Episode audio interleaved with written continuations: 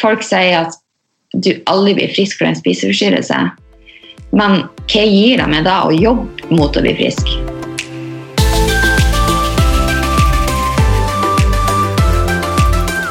I denne episoden hører dere Mathilde Johnsen sin historie. Hun deler historien sin om spiseforstyrrelser og veien til å bli frisk. En spiseforstyrrelse er en psykisk lidelse som først og fremst handler om følelser og tanker knyttet til mat, kropp og utseende, og som kan gå kraftig utover livskvaliteten. I noen tilfeller kan det bli så alvorlig at det er fare for liv og helse. Vi alle har et forhold til mat, og mange har et forhold til trening, og veien til en spiseforstyrrelse trenger ikke å være lang. Derfor syns jeg det er viktig med åpenheten til Mathilde, sånn at dere som hører på, kan finne inspirasjon, motivasjon, lære noe eller til og med kjenne dere igjen.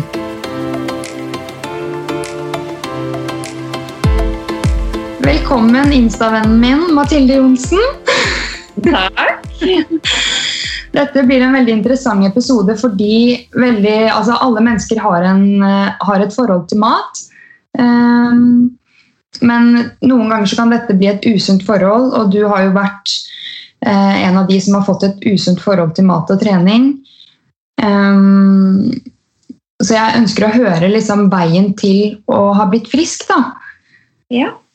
Eh, og så handler en spiseforstyrrelse om mer enn mat. Eh, det er jo ofte underliggende følelser i bunn som man undertrykker ved hjelp av mat. Så jeg lurer på hvorfor tror du at du utviklet denne sykdommen? Eh, nei, altså Det er jo veldig vanskelig å på en måte sette fingeren på en konkret ting. For at eh, mange spør meg jo hvorfor jeg ble syk, om det var noe som trigga meg, om det var noe i familien eller eh, hva som helst. Men hos meg så var det på en måte ingenting. Det var ikke noen dødsfall som hadde skjedd, det var ikke en skilsmisse, det var liksom ikke noe å sette fingeren på. Eh, men jeg husker jo at det starta jo i 2013 i desember, ja, november-desember 2013, da, så er det jo sju år siden. Eh, og da husker jeg at eh, jeg skulle bare starte å bli litt sunnere. At jeg skulle ja, kutte ut litt eh, At jeg spiste ikke godt det hver dag. At jeg på en måte hadde litt mer sunt forhold til mat. da. Mm. Uh, og da var det veldig sånn at jeg på en måte prøvde en sånn diett der man på en måte bare spiste eggehviter og kylling og brokkoli, liksom. Mm. Og så fikk jeg på en måte aldri til å snu det her tankegangen, og så starta jeg å trene. Og så husker jeg at den jula 2013 så var det veldig mange som kom til meg og sa liksom at å, så fin du ser ut. For da, da var jeg på en måte på et godt stadie i livet der jeg har begynt å spise sunt, men ikke for sunt, på en måte. Mm. Og da husker jeg på en måte at jeg ble veldig trigga av det her at å, jeg ser bra ut nå, er det sånn det skal være? Og etter ja, den jula 2013, da var da det bare sjum, gikk rett nedover. Og så da var jeg i gang, og det skjedde ekstremt fort. Mm. Det var liksom ikke en langvarig prosess. Det var fra en måned til en annen så hadde det skjedd veldig store endringer. Så det starta egentlig med gode følelser rundt det å ha begynt å ta litt vare på helsen, begynne å trene, spise sunt, men så skjønte du at dette her går i negativ retning? Ja, rett og slett. Jeg forsto, at, eh, jeg forsto på en måte at jeg, det, her var negativt, men jeg klarte ikke å snu det. Mm. Eh, ja, rett og slett. Ja, Men hvordan preget spiseforstyrrelsen livet ditt? Eh, den tok jo mer og mer plass. Eh, det som er greia, det var at eh, på tre måneder så hadde jeg gått ned ja, jeg vet ikke hvor mye man skal gå inn på vekt, og sånn, jeg skal ikke nevne vekta mi, men jeg hadde gått ned 20 kilo på to-tre måneder. Så det er jo klart at det, det skjedde jo ekstremt fort, og det påvirka meg jo i stor grad. Eh, men jeg prøvde liksom Det som ble vanskelig, det var at jeg på en måte skulle Jeg brukte trening som min, ja, som min hobby. da, Det var liksom det jeg min spiseforstyrrelse, det var trening. Mm. Så jeg trente jo ekstremt mye. altså I tillegg så gikk jeg siste året på videregående. I tillegg så skulle jeg være ja, en typisk flink pike, skulle prestere på skolen, skulle være med venner. Skulle liksom, og i tillegg til det her så skulle jeg òg prøve å unngå at folk så at jeg var syk. Mm. Eh, så det prega meg jo i veldig stor del. Jeg var veldig ja, Hva skal man si Dagene mine var nøye planlagt. Mm. Ja. Men eh, gikk det utover skolearbeid, relasjoner til venner og familie, sånne ting? Eh, ja, det gjorde, det gjorde jo det i, i høy grad. Men heldigvis så har jeg Jeg hadde venner som på en måte snakka med meg om det, prøvde å forstå. Eh, mamma og pappa har vært ekstremt støttende. Eh, de har liksom eh, alltid ønska meg det beste uansett. Eh, og med, med skole så da var det, det var ikke noe jeg prioriterte. Jeg orka ikke å dra på skolen for at jeg heller ville ønske å dra og trene. Eh, Det var ikke så viktig, jeg skulle bare bestå, jeg skulle bare komme gjennom og få godkjent eh, skoleåret. Mm. Men var det du selv som merket det først, eller var det venner som påpekte det til deg? Det som er, det er at det er Det skjedde som sagt veldig fort. Eh, Så det var på det, Og så må jeg også si at det var liksom vagt minne der, pga. at man var på en måte såpass syk som man var, og på så lite energi, så det er mye som er diffust. Eh, Men jeg husker at det var en gang at eh, jeg hadde blitt tatt ut av læreren, tatt ut av klassen, og da kom læreren og pratet med meg. Og så sier hun at hun ser at eh, jeg har blitt veldig tynn, har veldig lite energi, søvner av i klassen. Og så, jeg, så fikk hun meg i kontakt med helsesøster, som igjen gikk videre til lege og spesialisthelsetjenesten. spesialisthelsetjenesten. Og mens det her pågikk, så sa mamma og pappa, så begynte de å ta, ta tak. da, For jeg husker at de sa veldig sånn at og mamma har sagt til meg i ettertid at hun så det. Og så fikk hun liksom panikk, for han pappa så det ikke på samme måte. Så er det jo veldig vanskelig hvordan man skal trå til som forelder. Eh, men når mamma og pappa tok opp, jeg husker de tok det opp med meg eh, på stua, og da var det òg at de hadde fått beskjed av venninne at eh, ja, kanskje at jeg ikke møtte opp hos venninna mi når jeg sa jeg skulle gjøre det til mamma og pappa, at jeg heller for og trente. Mm. Så det var på en måte, det har skjedd veldig mye på kort tid. At da hadde på en måte vennene mine innblanda seg, foreldrene mine og lærer og andre medelever. da. Ja. Eh, og når mamma og pappa tok det opp med meg, da sa jeg men jeg, jeg har allerede skaffa meg hjelp. liksom. Ok, Så du var åpen for å få hjelp nesten med en gang det ble eh, tatt opp, da? Ja, jeg var faktisk der, for at eh, jeg hadde det ikke bra. Så jeg liksom bare Men det var også på en måte så daff i og slapp at jeg på en måte orka ikke å stå imot. Det var sånn her jeg Får jeg hjelp, så tar jeg noen av hvis jeg ønsker det. Hvis jeg ikke ønsker å, å ta imot hjelpa, så, så kan jeg nå bare møte opp, og så kan de andre bare tro at jeg gjør det. Mm. Hvis det har mening. Ja. Tror du det kunne vært livsfarlig for deg i din situasjon hvis du ikke hadde fått hjelp? Ja, eh, det er jeg ikke i tvil om at jeg kunne vært Det er ikke sikkert jeg har vært her i dag hvis jeg ikke har fått den hjelpa jeg, jeg hadde fått. Eh, Og det er jo for at jeg hadde ikke makta å snu det sjøl. Jeg ble jo innlagt. Ja, du var innlagt i noen måneder. Kan vi, hvordan eh, startet liksom eh, Ta oss med tilbake til der hvor du faktisk ble innlagt, og den tiden der, da. Ja, eh, jeg hadde jo fått hjelp av spesialisthelsetjenesten. En eh, ja, eh, psykiatrisk sykepleier, mener bestemt hun. Eh, og der hadde det gått sånn jevnlig hver uke. Eh, og så så hun til slutt at det, var, det, var, det gikk på en måte bare nedover, uansett om jeg fikk den hjelpa hver uke som jeg fikk. Eh, og da sier hun til meg at eh, da hun tror at innleggelse er det eneste alternativet. da. Mm. Og da ble det søkt inn. Det her var i mai, nei, det var, ja, mai-juni 2014. da. Eh, så da hadde jo i hermetegn bare vært syk i et halvt års tid. Og da sier hun til meg at uh, hun søkte meg inn på DPS i Bodø. Og jeg er jo fra Mosjøen, så det var jo, det var jo litt utenfor byen da. Uh, og da, jeg- da fikk jeg beskjed om at jeg ble innlagt på Jeg fikk ja, beskjeden om at på en torsdag, og på tirsdag så var jeg, så var jeg innlagt. Ja. Og Ekstremt.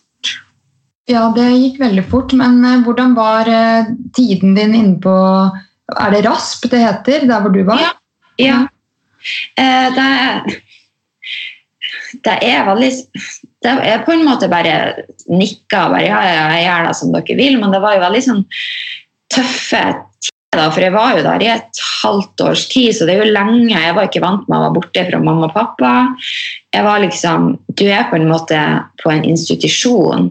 Mm. Og det var jo mange av venninnene mine som ikke visste det, pga. at jeg ønska ikke å, å si det, jeg ønska ikke å snakke om det. liksom. Mm. Eh, Men jeg forsto jo at jeg var det eneste rette eh, på den tida, så jeg, jeg sto liksom ikke så imot. Men det var jo klart at du ble på en måte veldig satt tilbake til nesten som at du var et barn igjen. da, For at de bestemte når du skulle spise, de bestemte hvor mye aktivitet du skulle være i. altså De visste jo på en måte ikke hva man gjorde inne på rommet sitt. Men eh, sånn med utgang, du fikk ikke lov til å gå ute i mer enn et kvarter. Kanskje noen dager at du ikke fikk gå ut pga. du skulle liksom ikke forbrenne. Mm. så det var, det var en ekstremt tøff tid. Og så er det jo også viktig å si at eh, det var jo på en måte en frivillig innleggelse. Ja. Men jeg husker når jeg kom dit, eh, så fikk jeg kontakt med en psykolog som jeg og hun skulle liksom jobbe som, i et team. Mm. Og så forklarte hun meg det her behandlingsforløpet. Da, og da sa hun jo at ja, det var mulig at eh, Men først og fremst så var det tre måneder, men mange ble lengre enn som så. Mm. Og jeg hadde helt ærlig trodd at jeg kanskje skulle være der i sånn ei ukes tid. Sånn, Ja. Jeg nesten datt i bakken av å høre at jeg skulle være der så lenge. Mm. Så sier jeg bare til henne nei, du, det her er egentlig ikke jeg så interessert i, sier jeg. Mm. Eh, For at det ble, for meget, liksom. At, og den her typiske tanken at jeg er jo ikke syk nok for å være her. Mm. Eh, Og da sier hun at hvis du går ut den døra nå, så blir du tvangsinnlagt. Så det var frivillig tvang, da, med Ja, andre ord. rett og slett frivillig tvang. For hvis jeg hadde gått, så hadde jeg vært tvangsinnlagt. Så da, jeg måtte bare stå i det. Ja. Men hva var det mest utfordrende i løpet av de fem-seks månedene du var innlagt? Uh, det var vel å være borte fra mamma og pappa, egentlig. Og var så langt borte fra heimen. Mm. Og så var jo hver dag helt klin likens, liksom. Så det var litt sånn Det ga meg jo ingenting å være der. Jeg bare gikk og venta. Mm. Og så er det noen dager at man står med piggene ute og ikke ønsker å få hjelp, og så er det noen dager man er bare så sliten at man bare orker ikke å stå imot. Mm. Men det har jo tydeligvis vært til god hjelp for deg. Var det noe du innså i etterkant, eller skjønte du underveis at dette her hjelper meg faktisk? Du skjønte at dette bidrar til endring da? Eh, De første dagene så, så forsto jeg det ikke, men det kom faktisk ganske fort at jeg forsto at det her var noe jeg måtte gjøre. Eh, Jeg snakka jo en del med mamma og pappa og søstera mi mens jeg var der. da. Og de fikk meg liksom, de støtta meg på en måte. og var, det var liksom, å, men det blir bra når du, når du kommer ut igjen, så skal vi gjøre det og det. og det, det blir så fint. Og jeg hadde liksom alltid det der ønsket om å være litt mer fri i egen kropp. Mm. Så det var liksom et langtidsmål. Bare, å, jeg husker at mamma og pappa sa til meg at når, når du kommer ut derfra, så skal vi reise til Mexico. Og det gjorde vi faktisk. Dere gjorde det? ja. Med lite gulrot der. Ja, det skjønner jeg. Ja. Men mange som eh, har spiseforstyrrelser, opplever jo ulike symptomer. og Det kan jo være alt fra unormale spisevaner, stress og skyldfølelse etter å ha spist. Eh, stress og tvang rundt trening, humørsvingninger. Eh, hva var det du kjente på? Jeg var ekstremt sur, altså humørsvingninger. Da kan man jo tenke sjøl hvis man ikke spiser på. Noen har jo bare hvis man ikke spiser meg så er man Da er jeg et monster, liksom. Ja, ikke sant? Eh, Så da kan man jo tenke seg til hvis man går ytterligere flere timer enn som så, at man alltid er i energiunderskudd. Eh, humørsvingninger.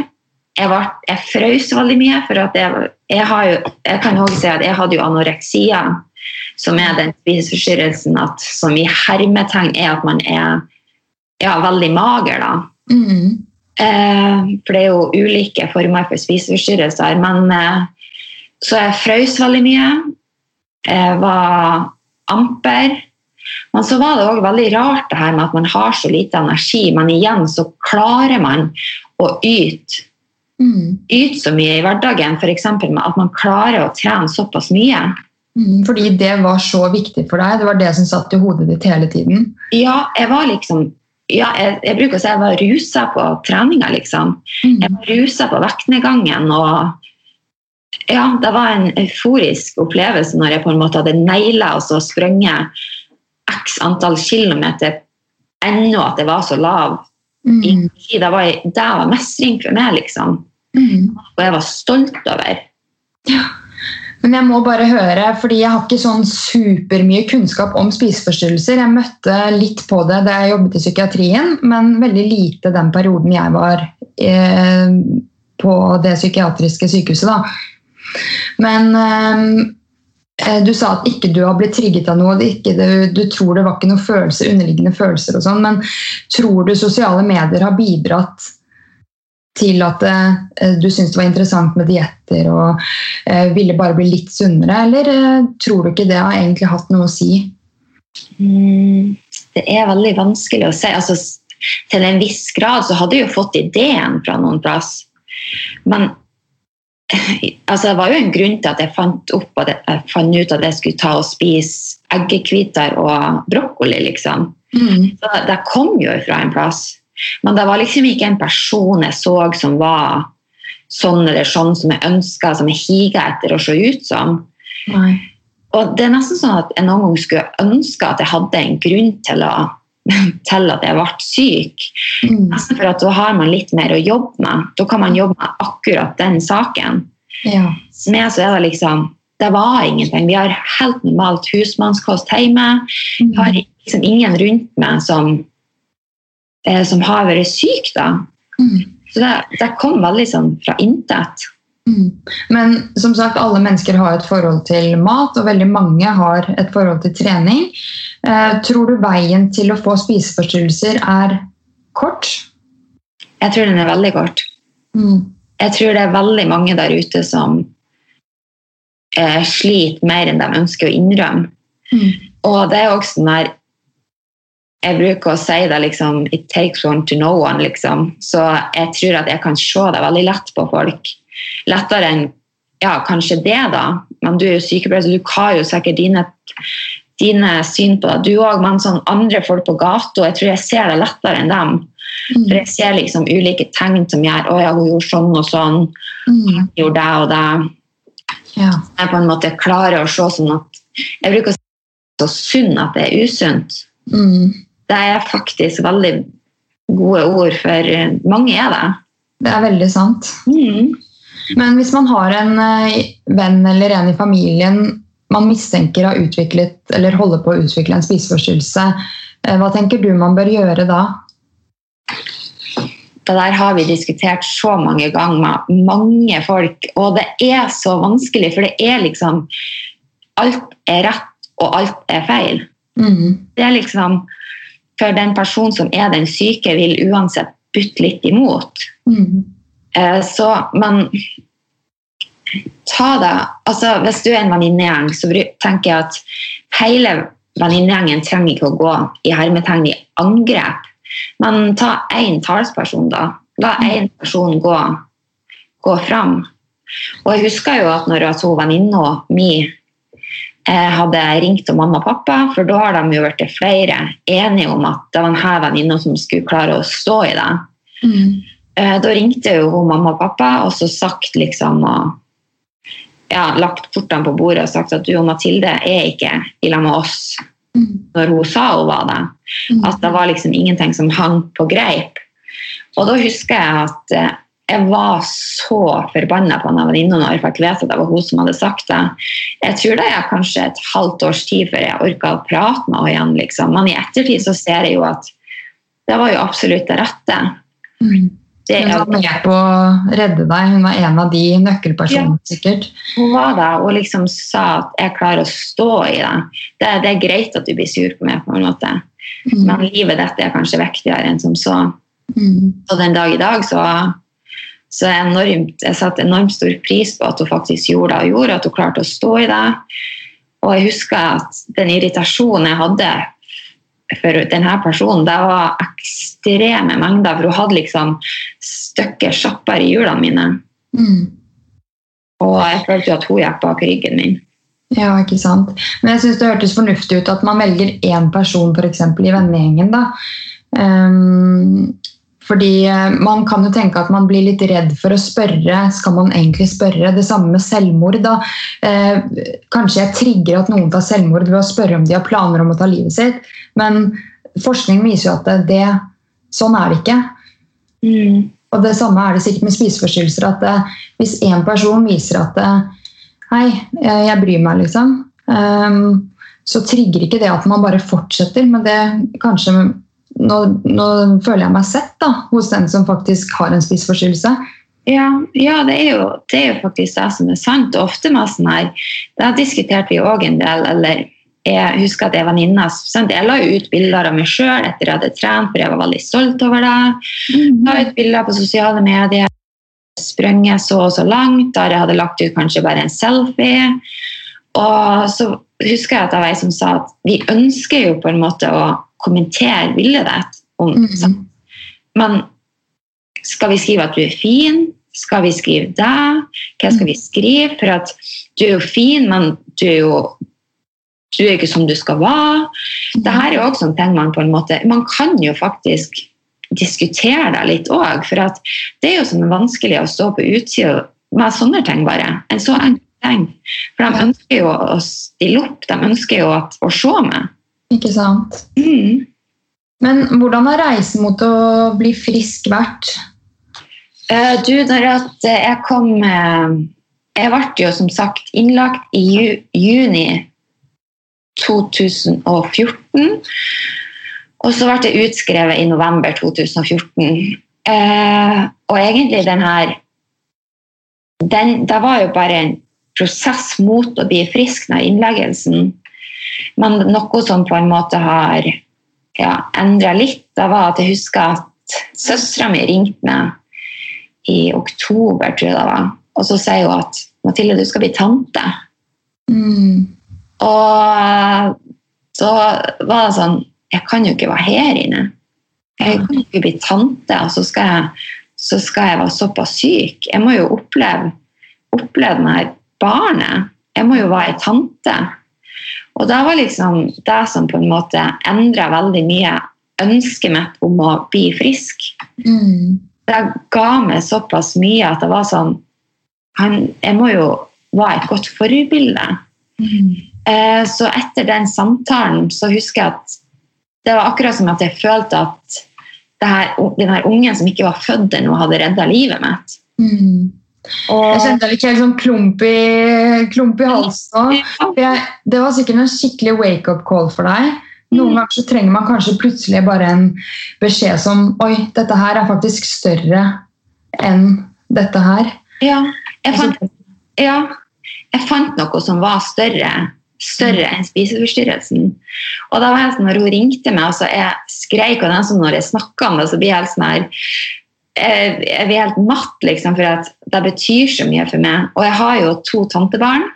Eh, like glad i begge to, men akkurat han føler jeg at han kom på det rette tidspunktet. Eller jeg fikk beskjeden på det rette tidspunktet.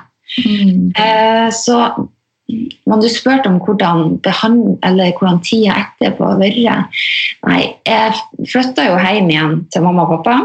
Mm. Da var jeg 18, 18 år, ja. Eh, og da fortsatte vi behandlinga i spesialisthelsetjenesten, der jeg hadde regelmessig oppfølging eh, hver uke da, for å holde tankene i sjakk. Ja. Men jobben starta egentlig når jeg kom hjem, for da var jo da jeg måtte ta de her vanskelige valgene. Skal, skal ikke. Mm.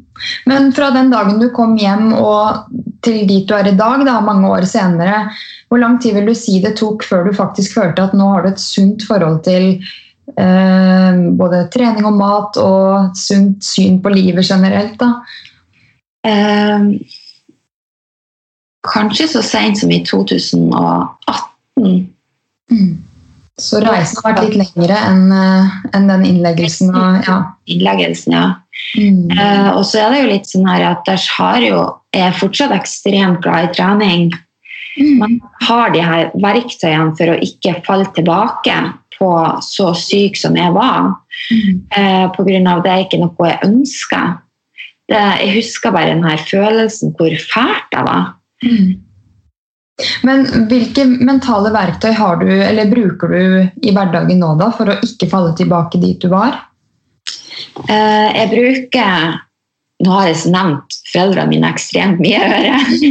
Men jeg bruker dem for alt det er verdt, så vi prater daglig eh, om livet og, og tar ofte opp det her temaet, liksom. Eh, hvordan jeg har det, om jeg er på rett spor. For at det mulige tilbakefall er det jo dessverre. Det er veldig mange som faller tilbake.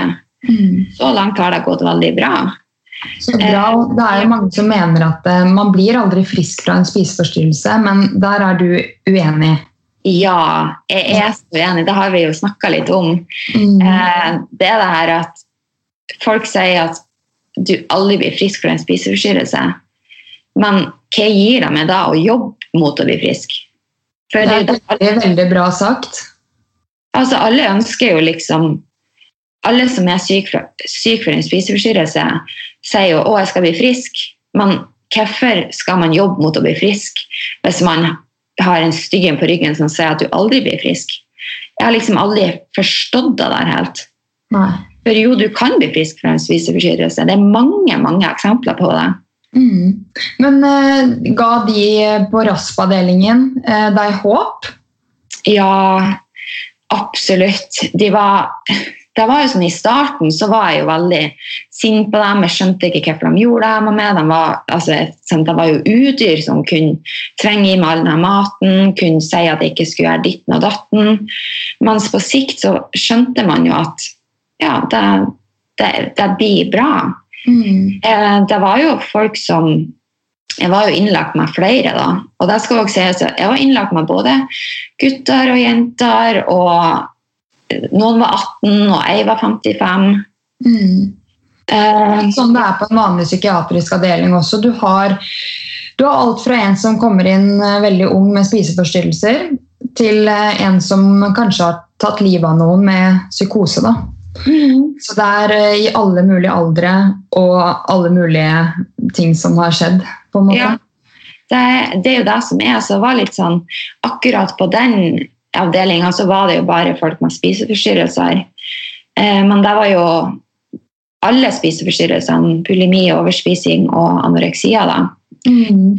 Eh, så det var liksom veldig godt å se at, at noen reiste hjem, da. Det var Mm. liksom, nå har de gjort en veldig stor jobb, og nå, nå venter livet. Mm. Men jeg syns det er så bra det du sier med at eh, hva jobber man mot eh, hvis man ikke skal bli frisk? Fordi eh, ja, mange har dessverre det synet at det vil alltid være der. Ja. Men man må jo bruke mentale verktøy til alt her i livet. Om man så må bruke mentale verktøy for å ikke gå tilbake, så er det, det er jo like vanlig som å bruke mentale verktøy for å ikke gå tilbake til en depresjon du en gang hadde. da, for ja, ikke Så man kan jo bli frisk fra en depresjon. Man kan jo bli det. Jeg har jo ikke orka å kaste bort seks måneder av livet mitt på å være innlagt hvis, hvis man ikke ble frisk. Nei, ikke sant. Det er jo Det går liksom mot hverandre, da. Mm.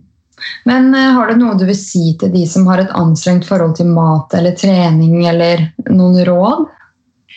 Altså, det er jo ekstremt mange råd, og så må man på en måte gå inn i seg sjøl. Jeg husker at noen valg jeg tok, var litt sånn f.eks. mat. Skal jeg være den eller den matvaren? Vil jeg være den pga. at den er sunn, eller vil det være den for den er god? Ta sånn her, Hvorfor er det egentlig du velger akkurat den her? Hvis det er liksom for at den er mest den er, er magrest, så er det kanskje noe feil. Da skjønner du hvor jeg vil hen. Mm. Eh, og så er det også det her sånn, ta, tenk, Gå litt inn i seg sjøl og tenk sånn Hvorfor gjorde jeg det? her? Hvorfor ville jeg det? Er det pga. meg, eller er det pga. at det er noen tanker i hodet som sier at jeg må? I tillegg så tenker jeg jo litt sånn Kjenner man at man har et anstrengt forhold til mat, eller generelt som vi snakker om litt sånn depresjon eller andre ting, faktorer i livet, kontakt en psykolog. Kontakt, altså Alle har godt av å gå til en psykolog. Jeg går til psykolog den dag i dag. Ikke bare pga. spiseforstyrrelse, men livet skjer. Livet jeg går i opp- og nedturer. Livet skjer. Ja, Så man trenger noen til å plassere tankene sine, tror jeg. Absolutt. Og vi har nylig begynt i parterapi. Oh, ja, sant, det ser du. Ja. Og det er jo så rosenrødt på Instagrammen din, men sant? det er jo fint å høre deg. At du sier det så bra. Det er akkurat det, og det er så skummelt hvis man tror at det ene bildet som har tatt to sekunder å legge ut, er en hel dag i livet til Ja. Fordi jeg er ikke noe redd for å fortelle de utfordrende sidene med livet mitt, men jeg, det frister veldig lite for meg å legge ut et bilde på Instagram hvis jeg har en ræv dag. Ja, Um, men jeg er også åpen om at ting er utfordrende og tøft. Men jeg, på en god dag så er jeg sånn, ja. Men så kan jeg heller skrive et innlegg som på en måte folk kan kjenne seg igjen i. Fordi ting er ikke rosenrødt, da. Nei, det er ikke og det er det ikke for noen om man har en psykisk lidelse eller ei. Altså, Livet er ikke en dans på roser, og jeg elsker å være urtaket. Livet skjer. Og det er skjer. Så nei, det er, det er veldig godt å høre at dere òg har, har vært det. Da, for det, jo, det trenger ikke være noe problemer, men det kan jo være for å unngå problemer. Absolutt, og jeg synes det er så sykt styrke å søke hjelp. da, fordi når jeg var yngre, så så jeg på det litt sånn Oi, hun går til psykolog, eller Oi, de går i parterapi. De må ha det helt jævlig, de kommer til å skille seg. Eller hun går til psykolog fordi hun, eh, hun har et tøft liv, på en måte. Men jeg har fått et helt annet syn på det med alderen. Og de som faktisk forebygger ved å gå i terapi eller parterapi, eller hva det måtte være, da. Eller oppsøke hjelp om det er spiseforstyrrelse eller andre psykiske lidelser. Jeg blir bare sånn Heia deg! Ja, jeg vil også, du tar tak i livet ditt. Ja, du tar tak i livet ditt og ting som betyr noe. Det er, eh, det er akkurat det man gjør. Så mm, enten det er eh, alene med spiseforstyrrelser eller i par, at man faktisk tar tak i det som betyr noe. Mm, det er nettopp det. Men det, faktisk, det var bra sagt. Det er liksom det som betyr noe. Jeg velger å ta tak i det som betyr noe for meg. Og det er jeg klare å ha. Nei, det var, ja, det er faktisk sant. Så det anbefales til alle og enhver. For å være ferdig til noen som ikke dømmer det for fem øre, og som ikke vet noe om det. som ikke, For det er liksom, Man kan jo snakke med familie og venner om ja, Hvis man er heldig, så kan man prate med dem om alt. Men det er kanskje ikke alt man behøver å dele med dem heller. Nei, og man skal ikke bruke venner og familie til alt heller. Det kan være godt å bruke en utenforstående og som ikke kjenner deg kjempegodt. Ja, Det kan gi deg litt andre perspektiver på ting. da. ja. Det er det jeg tenker, så det, det er ikke så dumt. Det som er dumt, det er jo at det er vanskelig å komme seg inn. Mm. At eh, det er for vanskelig å komme seg inn i spesialisthelsetjenesten. Du må være, der er det jo snakk om du er ikke syk nok, og det er jo skremmende. Det er det. Kjempespennende. Men eh, før vi går over på de faste spørsmålene, hvordan har du det i dag? Du, I dag så går dagene i skole, trening, eh, venner, prøver å få kontroll på livet i, dem, i det sosiale. Eh, men jeg har det veldig bra. Det er oppturer og nedturer, men det er ikke på bakgrunn av spiseforstyrrelsen, det er på bakgrunn av at det er en person som har opp- og nedturer i livet. Og det er også greit å kjenne på, for det er liksom Nei, jeg tenker at Min erfaring kan være veldig god å ta med seg videre for å klare å relatere og sette meg inn i andre sitt liv, og vite at livet er ikke en dans hele tida. Det kan være dager du har det dritt uten å vite hvorfor du har det dritt. liksom. Absolutt. Det er mange ganger jeg ikke klarer å sette fingeren på det, men jeg er sur som en potte og bare sånn Ikke er snakk, helst ikke prate med, helst rømme husene. Ja. Så det er liksom, jeg kan også bare ringe en dag. Ja, Jeg ringer ofte han pappa og så bare sånn 'Jeg er så lei meg i dag!' Og så han bare sånn 'Ja, hvorfor?' Nei, det vet jeg jo ikke. Nei. Så det, er sånn, det, er liksom, det er jo når meg alle sin syke. Den går jo opp og ned, og det er jo det er noe greit. Og man må bare forstå at sånn er livet. Man kan ikke forvente at livet skal være fint og bra og glad og happy hele tiden. Nei. Som jeg har sagt mange ganger før, så vet du ikke hva lykke og glede er før du har kjent på det å være langt nede og lykkelig. Ja, det er faktisk sant det. Og heldigvis så har vi opplevd det, for da vet vi hvor bra livet kan være. Og, og vet at når man ikke har det så bra, så, så går det an å snu det. Det kommer en dag i morgen. Absolutt. Hva er det du studerer, forresten? Du, jeg tar, eh, jeg tar en bachelor i noe som heter samfunns- og idrettsvitenskap på NTNU i Trondheim. Og nå har jeg et breddeår som vil si at jeg har behov for 60 studiepoeng. Så da tar jeg enkeltemner, og så tar jeg personlig trenerstudie for å få nok studiepoeng. Kult! Ja, så det er, det er veldig spennende. Det, jeg vet ikke hva jeg vil bli når jeg blir voksen, så da studerer jeg noe som interesserer meg. Ja. So far, so good. Mm, så bra. Ja. Er du klar for litt faste spørsmål? Yes, bring it! Hvordan starter du uken best mulig? Uh, det er legg, prøve å legge meg tidlig på en søndag, sånn at jeg får eh, god natts søvn. Eh, og så starter jeg som regel Jeg er som morgentrener, sånn irriterende opp og nikker og hopper opp av senga, liksom. Eh, så å, det er deilig. Eh, og så får jeg som regel at jeg prøver å trene med noen, ei venninne. For det syns jeg er veldig givende. Jeg syns det er godt å ha noen å gå til. Mm Eh, så jeg, nå er det som drar hjem, lager meg en god frokost, og så gjør jeg studie. Ja. Og så er jeg heldig så er været bra, så jeg kan få meg en gåtur mellom slagene. Mm. Ja, og så, ja, ja. Og ellers så er jeg veldig glad i å bare omgjenge meg med folk som gir meg positiv energi. Jeg har kvitta meg med de andre. Så bra. Ja. Hvordan finner du motivasjon til å snu en dårlig dag om til en god dag? Jeg er jo nesten den som er sånn Hvis det er en dårlig dag, så graver jeg meg sjøl lenger ned og hører på trist musikk, liksom. Yes! Ja. så egentlig så har jeg ikke sånn sykt gode råd der, men jeg tenker liksom, da tenker jeg bare ok, da legger jeg meg bare tidlig i dag, så, går, så blir det en ny og fin dag i morgen. Ja, rett og slett. Ja. Og så prøver jeg jo Hvis jeg har en dårlig dag, så prøver jeg å gjøre bare positive ting.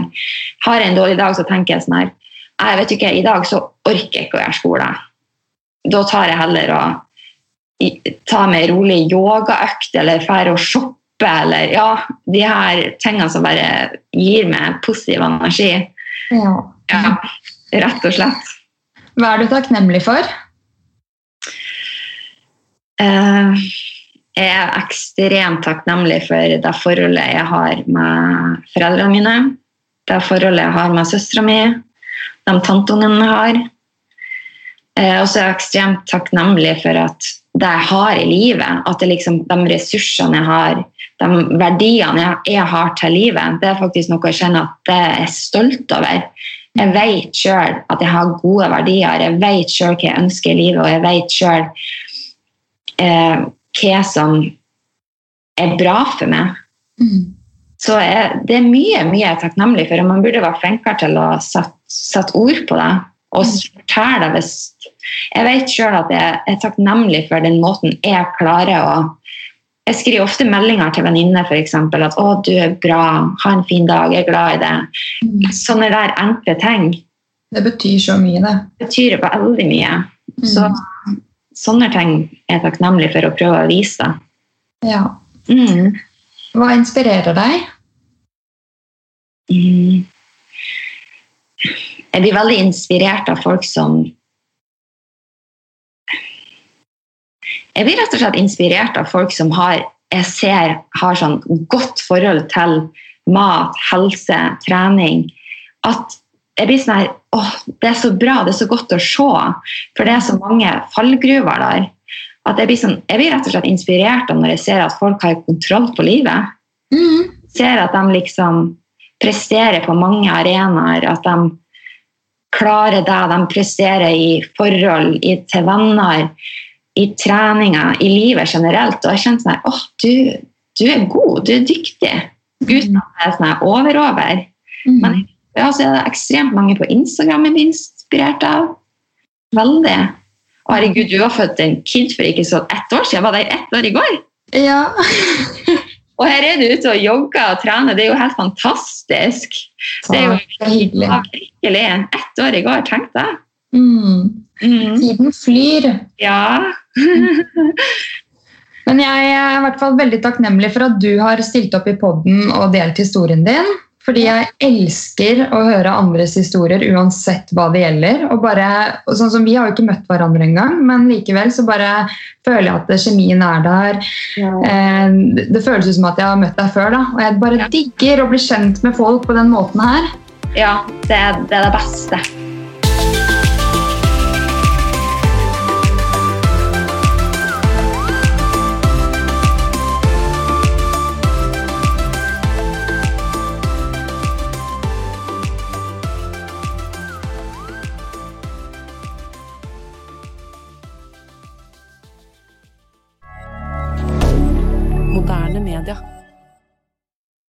Har du et enkeltpersonforetak eller en liten bedrift? Da er du sikkert lei av å høre meg snakke om hvor enkelt det er med kvitteringer og bilag i fiken, så vi eh, gir oss her, vi. Fordi vi liker enkelt. Fiken superenkelt regnskap.